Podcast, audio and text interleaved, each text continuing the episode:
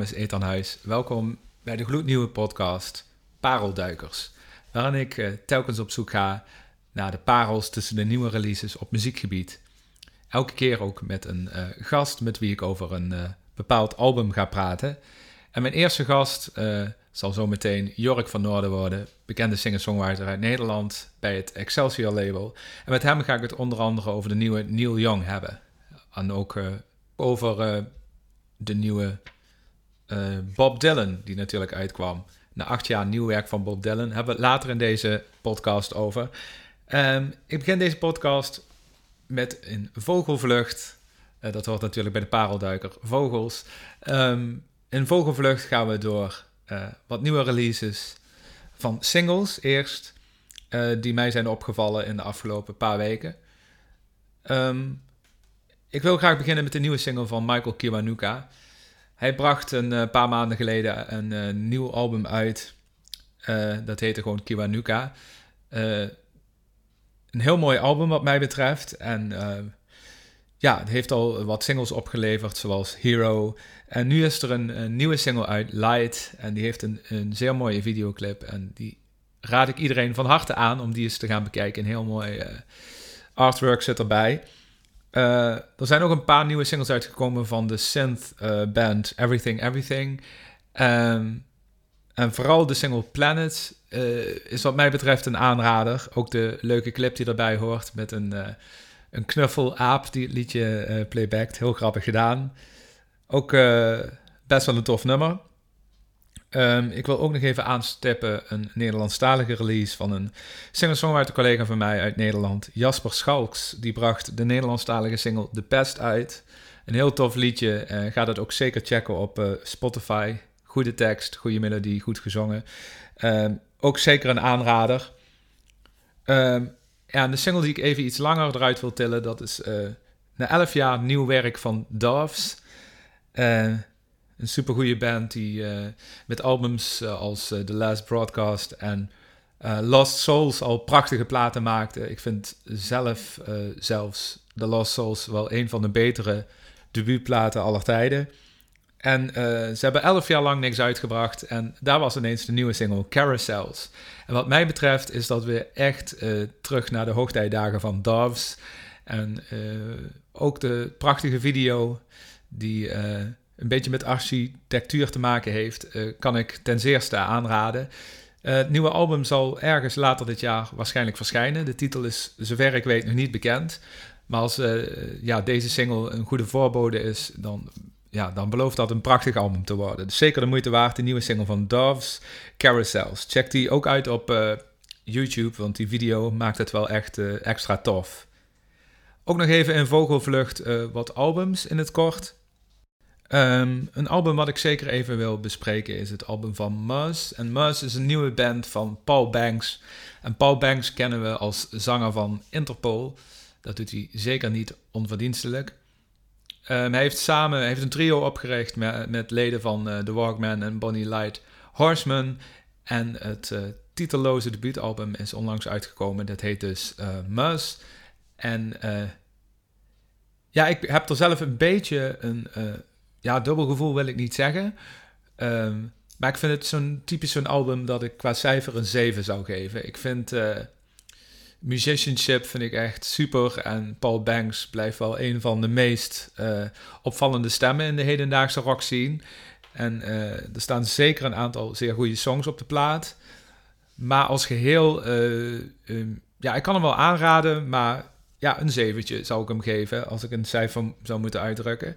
Maar uh, ja, voor de liefhebber van wat uh, serieuzere en ook af en toe ja, richting zwaarmoedige muziek, uh, die kan ik het zeker aanraden. liefhebbers van Interpol natuurlijk, vanwege het stemgeluid van Ball Banks, kan ik het ook zeker aanraden. Uit Nederland komt ook nog Someone, dat is het alter ego van singer-songwriter Tessa Rose Jackson maakt altijd heel tof artwork. Heeft ook het artwork van mijn album The Secret Us gemaakt. En uh, bracht al wat losse singles uit in de afgelopen maanden en jaren. En ook wat EP's. Maar nu is er dan een volwaardig werk. Orbit 2 heet het. En uh, prachtig vormgegeven. Tessa Jackson kennen we nog uh, als artiesten onder die naam. Ze bracht een x aantal jaren geleden het album uit Songs from the Sandbox. Dat heb ik voor um, Festival Info nog mogen recenseren. Uh, heb ik toen ook zeer positief gerecenseerd. met Samman um, brengt ze een beetje een hybride tussen het audio gedeelte en het visuele gedeelte. Ze maakt ook hele toffe visuals bij haar live shows. En de shift is een beetje van folk naar meer uh, electropop gegaan, als ik het zo kan noemen. Het is niet echt één label op te plakken. Het zijn veelal korte en bondige popsongs, aantrekkelijk geproduceerd, goed gezongen. Um, met wat mij betreft als uitschieters het bescheiden hitje You Live in My Phone en The Deep. En er staat heel veel interessants op, wat ik zeker zou aanraden om te gaan ontdekken op, op Spotify. Of zeker als je ook CD's of dergelijke of vinyl verzamelt. Koop zeker ook het vinyl. Er zit tof artwork bij. Zeker de moeite waard. Tot zover de rubriek in Vogelvlucht.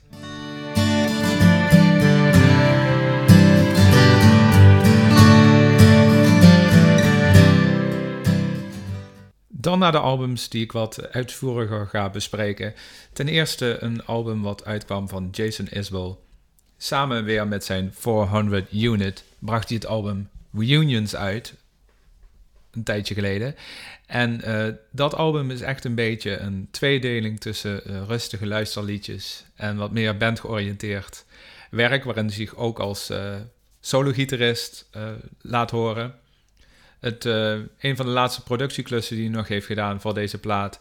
Want hij zit ook vaak aan de andere kant van de mengtafel. Dat was nog de laatste plaat van Josh Redder, heeft hij nog geproduceerd. Fever Breaks heette die.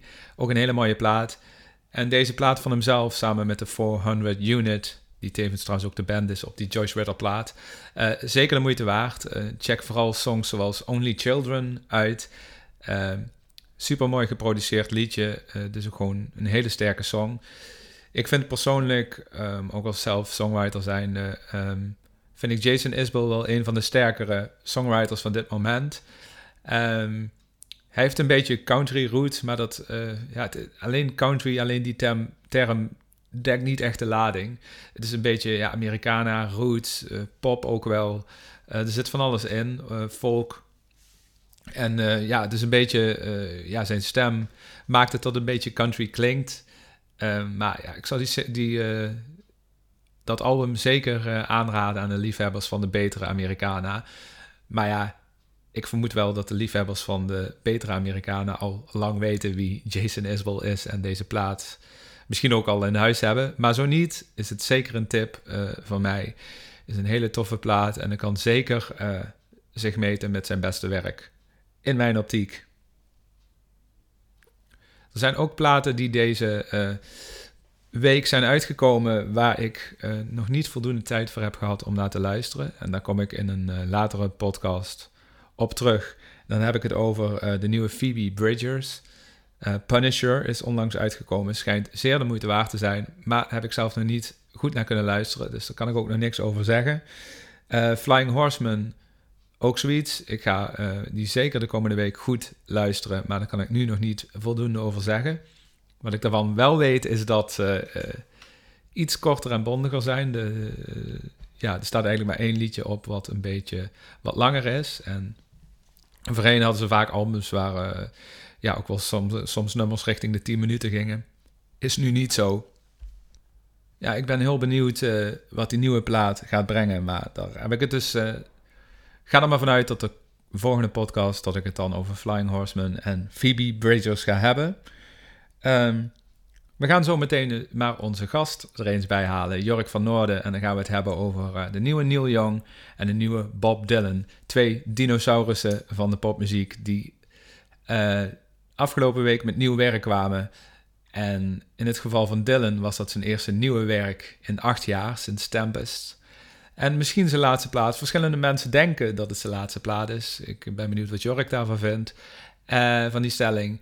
En dan ook nog de nieuwe Neil Young. Maar ja, nieuw is niet, misschien niet helemaal het goede woord. Want dit was een plaat die zou al in uh, 75 zijn uitgekomen. Een beetje als opvolger van het succesalbum Harvest. Maar het album was op, uh, op de plank blijven liggen. Uh, Neil Young wilde het niet uitbrengen. Het zou te persoonlijk zijn. Het zou nog niet af zijn. Er zouden verschillende redenen zijn. gaan we het ook over hebben van... had dit album op de plank moeten blijven liggen... of is het juist zeer de moeite waard? Gaan we het ook zo meteen over hebben. Ehm, dus ja, laten we de gast er eens bij halen. Jork van Noorden. Jork, de twee artiesten waar we het nu over gaan hebben... die heb jij vorig jaar allebei live gezien. samen. Vertel er eens wat over.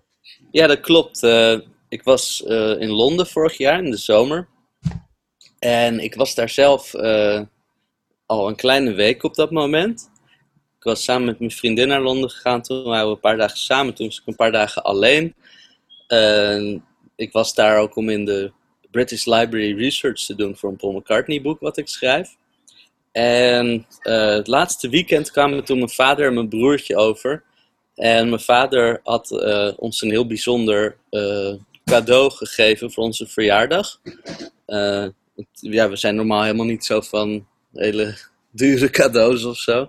Maar het was een uh, gek jaar geweest met overlijden van mijn moeder en zo. Dus hij dacht, nou laten we iets heel bijzonders en moois met z'n drieën doen.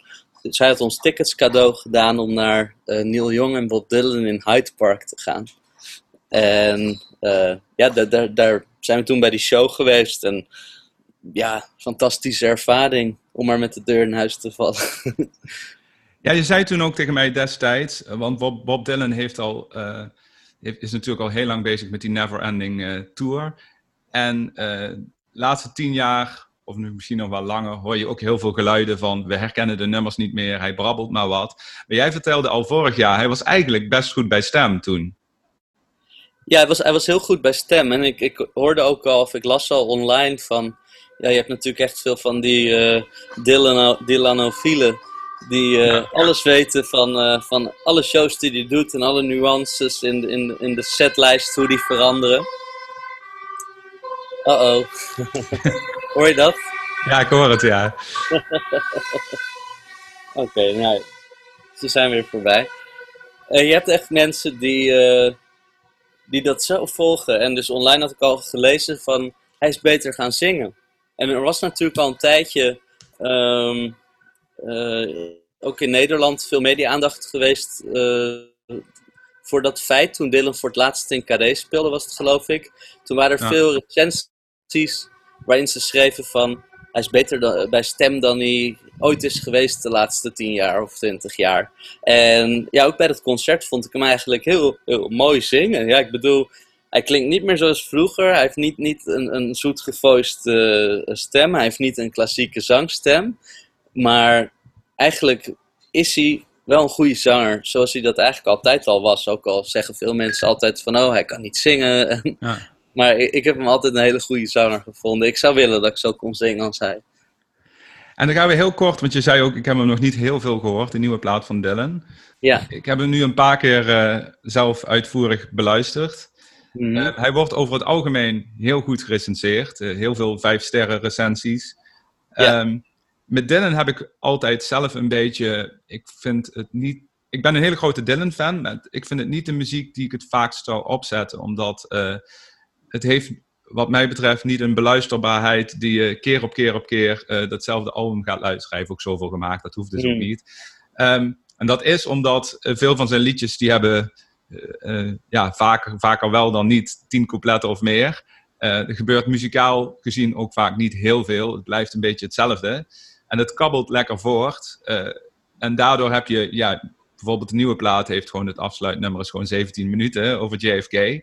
Ja, ja, Super mooi nummer, maar niet een nummer wat ik, wat ik tien keer in één week zou opzetten, bijvoorbeeld. Dus dat heb ik wel altijd bij Dylan. Meer nog dan bij Neil Young. Um, maar dat gezegd hebbende, vind ik dit wel sowieso zijn beste plaat in 20 jaar. Hij zingt echt enorm goed, vind ik. Ja. Um, en uh, ik denk dat we ook wel eens zijn dat de laatste 20 jaar heeft hij ook best veel goede platen weer gemaakt. heeft. Oh ja. Zijn laatste Tempest vond ik ook uh, uh, enorm goed. En hij heeft met platen als Modern Times en Love and Theft. Dat waren ook een beetje een soort van comeback-achtige platen. Voor hoeveel credits hij kreeg. Ja, zeker vanaf Time Out of Mind Ja, zeker, ja. En ja, zelf stapte ik in qua nieuw plaat. Ik begon met, met, met Blanc en zo. En, en Highway en nou ja. en daarna alles eromheen. Maar de eerste Dylan plaat die ik echt bewust meemaakte, dat die uitkwam en, en dat ik hem... Uh, ja, ik, toen, toen Love and Theft uitkwam in 2001, toen heb ik die volgens mij wel gedownload en wel wat gehoord. Um, maar eigenlijk begon het voor mij met Modern Times. Dat, ja. dat, dat, was volgens mij ja, uit mijn hoofd 2004 of zo. Misschien zeg ik nu iets heel geks, maar dat is even hoe, hoe, ik de chronologie in mijn hoofd heb. Maar dat was voor mij wel, ja, ik vind dat sowieso een geweldige plaat. En uh, toen heb ik hem ook live gezien voor het eerst in de HMH. En op dat moment uh, was dat een beetje een tegenvaller voor me. Uh, maar dat heeft alles te maken met je verwachtingen. Ja. Want toen ik Dylan nu zag, wist ik wat ik wel en niet kon verwachten. En was ik blijkbaar ook gegroeid daarin of zo. En dan kon ik het uh, zien voor wat het was. En vond ik het heel goed. Ja, ik vind sowieso. Uh, ik heb het nog nooit live gezien, zou ik nog graag een keer doen. Maar voor mij was het ook heel lang. Hij had heel lang. Um, ja, de live reputatie is niet altijd even hoog geweest de laatste tien jaar. Dus ja. ik dacht ook, wil ik dat wel? Maar ja, ik wil het nu wel, als het nog uh, een keer kan na de coronacrisis. Uh, maar om het af te sluiten, ik vind uh, de plaat echt een aanrader. En ik zou ook iedereen aanraden om hem in ieder geval te streamen. Maar nog beter is natuurlijk kopen, die handel.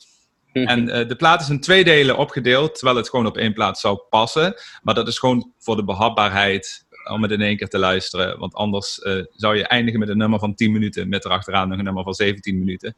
Daarom is die, die track Murder Most Foul, waar die eigenlijk bijna de hele Amerikaanse geschiedenis uh, en popculture in verwerkt. die is naar plaatkant 2, of CD 2 en plaatkant 4 zal het dan zijn, is hij naartoe verschoven. Um, die andere dinosaurus die je toen live zag, dat was Neil Young. En Neil Young kwam vorig jaar al met een nieuwe plaat, Colorado. En hij kwam dit jaar met, zeg maar, oud nieuw werk. Een plaat die eigenlijk al halverwege jaren 70 zou moeten verschijnen. Yeah. Homegrown. En om maar gelijk met de deur in huis te vallen, had hij die op de plank moeten laten liggen? Of is het echt dat meesterwerk wat uh, sommige recensenten zeggen? Uh, ja, ik vind het, uh, het, het is, het is potentieel een meesterwerk. Maar daar moet ik gelijk aan toevoegen dat ten eerste we het niet helemaal kunnen nemen voor wat het is. Omdat er al een aantal songs eerder zijn uitgebracht. Mm -hmm. ja, we, Love is a Rose stond al op Decade. En dan hadden we natuurlijk Star of Bethlehem al, al gezien. En we hadden Little Wing al. Hawks and Doves gezien. En Homegrown was al bekend. En veel van die andere liedjes waren ook al wel bekend via bootlegs of live versies of separate ways. Dus uh, het is heel moeilijk om het nu uh, als, als één plaat te zien, omdat we ook een deel van het album misschien al associëren met andere albums waar sommige van die liedjes op verschenen.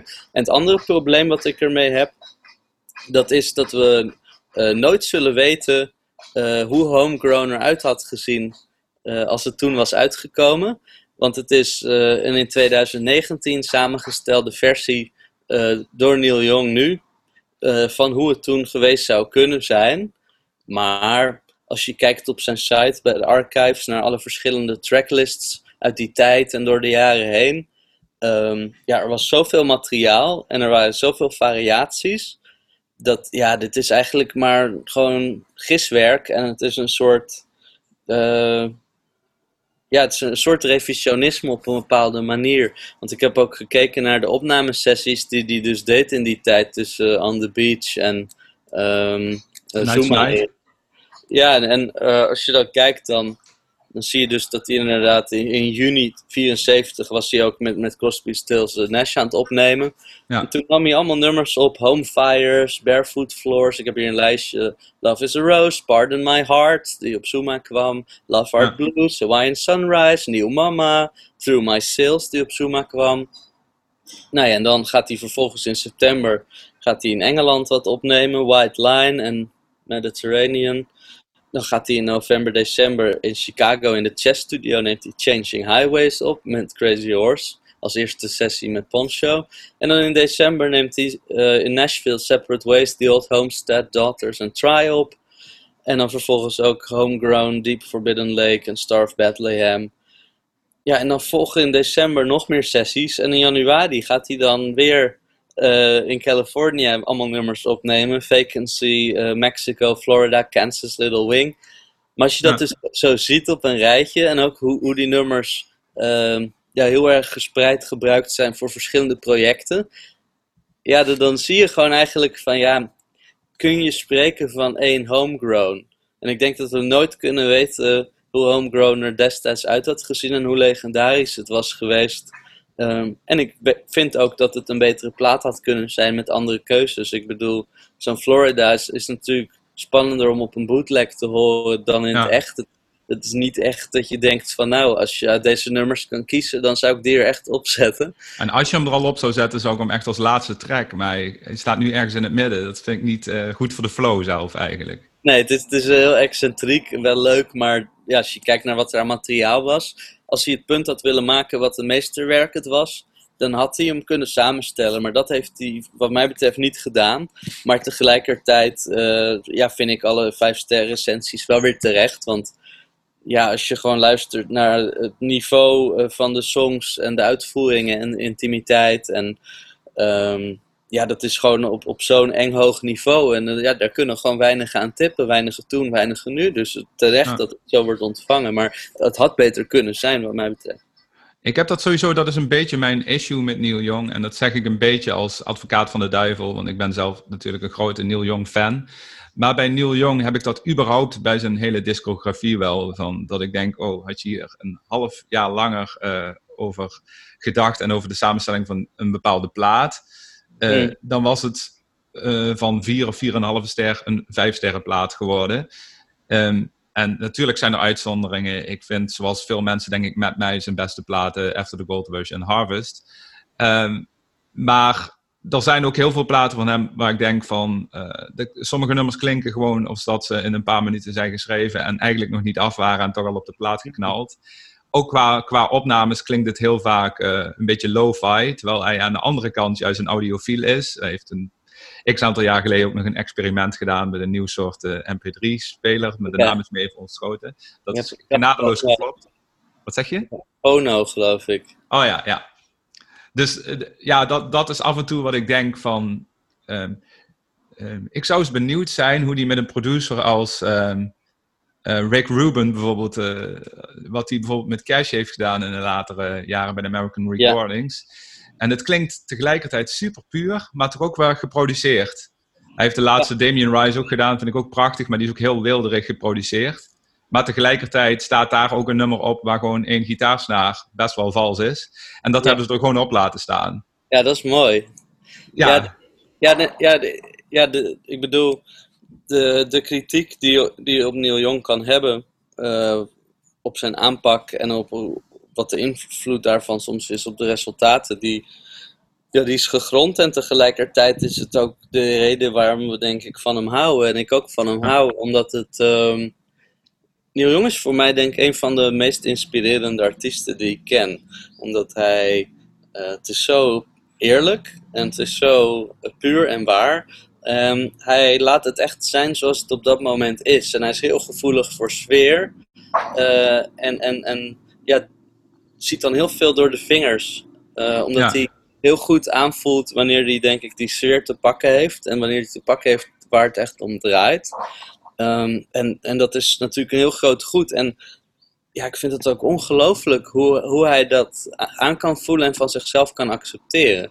Want als ik ja. Neil Young hoor en ik hoor in Danger Bird of zo op Zuma hoe die dan een van die eerste regels helemaal uit de bocht vliegt, vocaal. Ja. Dan, dan, vind ik dat zo mooi. En dan, vind ik, dan denk ik, oh geweldig. Weet je wel, dat is dan zo cool. Maar ja, om dat van jezelf te accepteren en toe te staan, dat is echt, ja, dat vind ik zo interessant gewoon.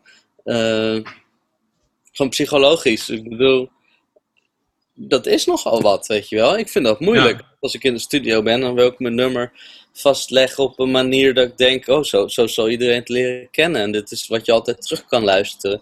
En de, ja, hij heeft daar scheid aan. Hij gaat voor sfeer. En hij, hij snapt eigenlijk dat sfeer misschien wel belangrijker is dan perfectie. Omdat uh, misschien wel in de sfeer ook de perfectie zit of zo. Dus ik vind dat altijd heel interessant aan hem. We sluiten af met nog uh, twee vragen vanuit mijn kant. De eerste vraag is: zijn er nog releases in 2020 waar je naar uitkijkt die nog uit gaan komen? Oh, dat is een hele goede vraag. Um, ik weet zeker dat ze er moeten zijn. Maar ik, heb, ik zie het even niet voor me zo. Ben je bijvoorbeeld de liefhebber van Ray LaMontagne? Die komt met een nieuwe plaat binnenkort. Ja, dat vind ik wel heel mooi. Ja. ja ik ben niet zo thuis in zijn werk, maar de dingen die ik, die ik ervan gehoord heb, uh, ook van vrienden van me die het dan hebben en wel eens draaien, dat vind ik erg mooi en goed. Dus ik kijk er niet naar uit, maar het is mooi dat het verschijnt en ik zou het wel graag willen horen. Daar ga ik het denk ik de volgende keer of, of over twee keer over hebben. Uh, mijn laatste vraag is, waar ben je nu zelf mee bezig? Want je zou eigenlijk in Abbey Road gaan opnemen, maar toen kwam uh, er een crisis tussen. En die is nu uitgesteld, gaat er nog wel komen, maar wat ben je nu tussentijds aan doen? Um, ik ben nu uh, ja, een andere plaat aan het maken. En daar ga ik maandag mee beginnen. Deze en waar ga je die opnemen? Uh, in Amsterdam Noord, in de SSE Noord van Frans Hagenaars. En ah. uh, ja, we gaan uh, komende week beginnen met drie dagen en dan gaan we twee weken later een hele week werken eraan. En ja, we gaan een beetje kijken welke kant het op gaat, wat er gebeurt, wat er komt. En um, ja, dat, ik kijk er heel erg naar uit. Ik, ik, ik, denk dat ik er wat vrijer en wat losser in kan staan dan voorheen. Omdat ik nu denk van, nou ja, ik heb een paar platen gemaakt. En eigenlijk kwam het altijd wel goed uiteindelijk. Ook als ik me overal druk om maakte. Uh, en anderzijds had, had, ik altijd bij elke plaat die ik maakte het idee van, nou, misschien is het wel de laatste die ik ooit maak. misschien is het wel mijn laatste kans of zo, weet je wel. Ja. En nu heb ik voor het eerst uh, ook, ook dat gevoel niet een gevoel van, nou, dit is gewoon een van de platen die ik maak. En, dus ik probeer ook meer te denken over de plaat op een manier van, um, ja, dat een plaat een eigen sfeer kan hebben en een eigen moment in tijd kan vangen. En ja, dat is wat ik eigenlijk wil, net als bij Bowie of de Beatles, dat elke plaat heel anders is met een eigen sfeer.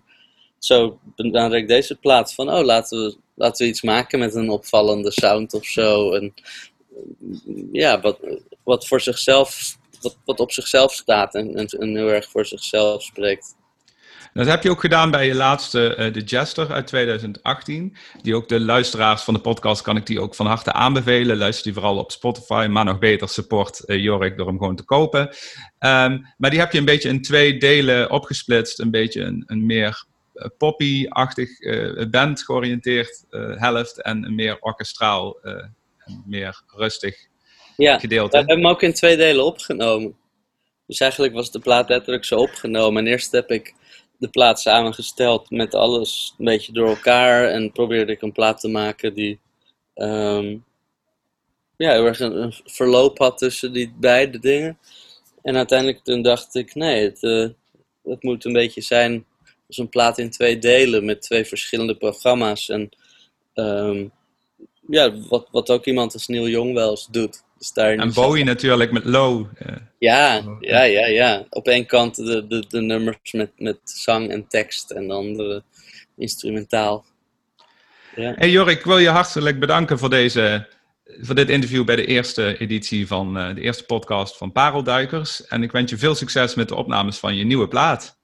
Ja, dankjewel. En een eer om de eerste gast te zijn. Hartstikke leuk en goed je gesproken te hebben. Jij ook heel veel succes zo met de podcast als je muziek. En uh, ik, ik kijk uit naar de volgende podcast. Ik ga zeker kijken en luisteren. Doei! Doei! Dan sluit ik deze eerste Parelduikers podcast af. Uh, met wat we nog kunnen verwachten in komende podcasts van Parelduikers. Um, de volgende keer ga ik het hebben over de nieuwe Phoebe Bridgers, de nieuwe Flying Horseman en de nieuwe Airbag. Dat is een Noorse progrock band met Bjorn Reis. En uh, releases waar ik nog naar uitkijk, die, eh, die ik iets later zal gaan bespreken. Simpelweg omdat ze nog niet uit zijn. Op korte termijn is dat dus, waar ik het straks al kort over had, Ray LaMontagne. De nieuwe plaat. Ehm, maar ook John Z, de zanger van Sigur komt, uh, ik geloof in oktober met een nieuwe plaat. Zijn er twee singles uit. Gaan we dan tegen die tijd bespreken. Um, ook de 90s band Toto Wet Sprocket uit Amerika komt in deze maanden met een nieuwe plaat. Ben ik ook heel benieuwd naar. Gaan we ook nog bespreken. En dan komen natuurlijk ook nog releases uit. Wat we nu nog niet weten of wat ik nog niet weet. Maar die er wel aan zitten te komen. Ik hou het in ieder geval allemaal in de gaten. Ik hoor ook graag tips van jullie. Uh, van releases die ik zeker nog moet gaan uh, checken. En ik hoop dat jullie uh, veel plezier hebben gehad aan het luisteren van deze podcast. Was voor mij een spannend nieuw avontuur. En ja, tot een volgende. En veel luisterplezier.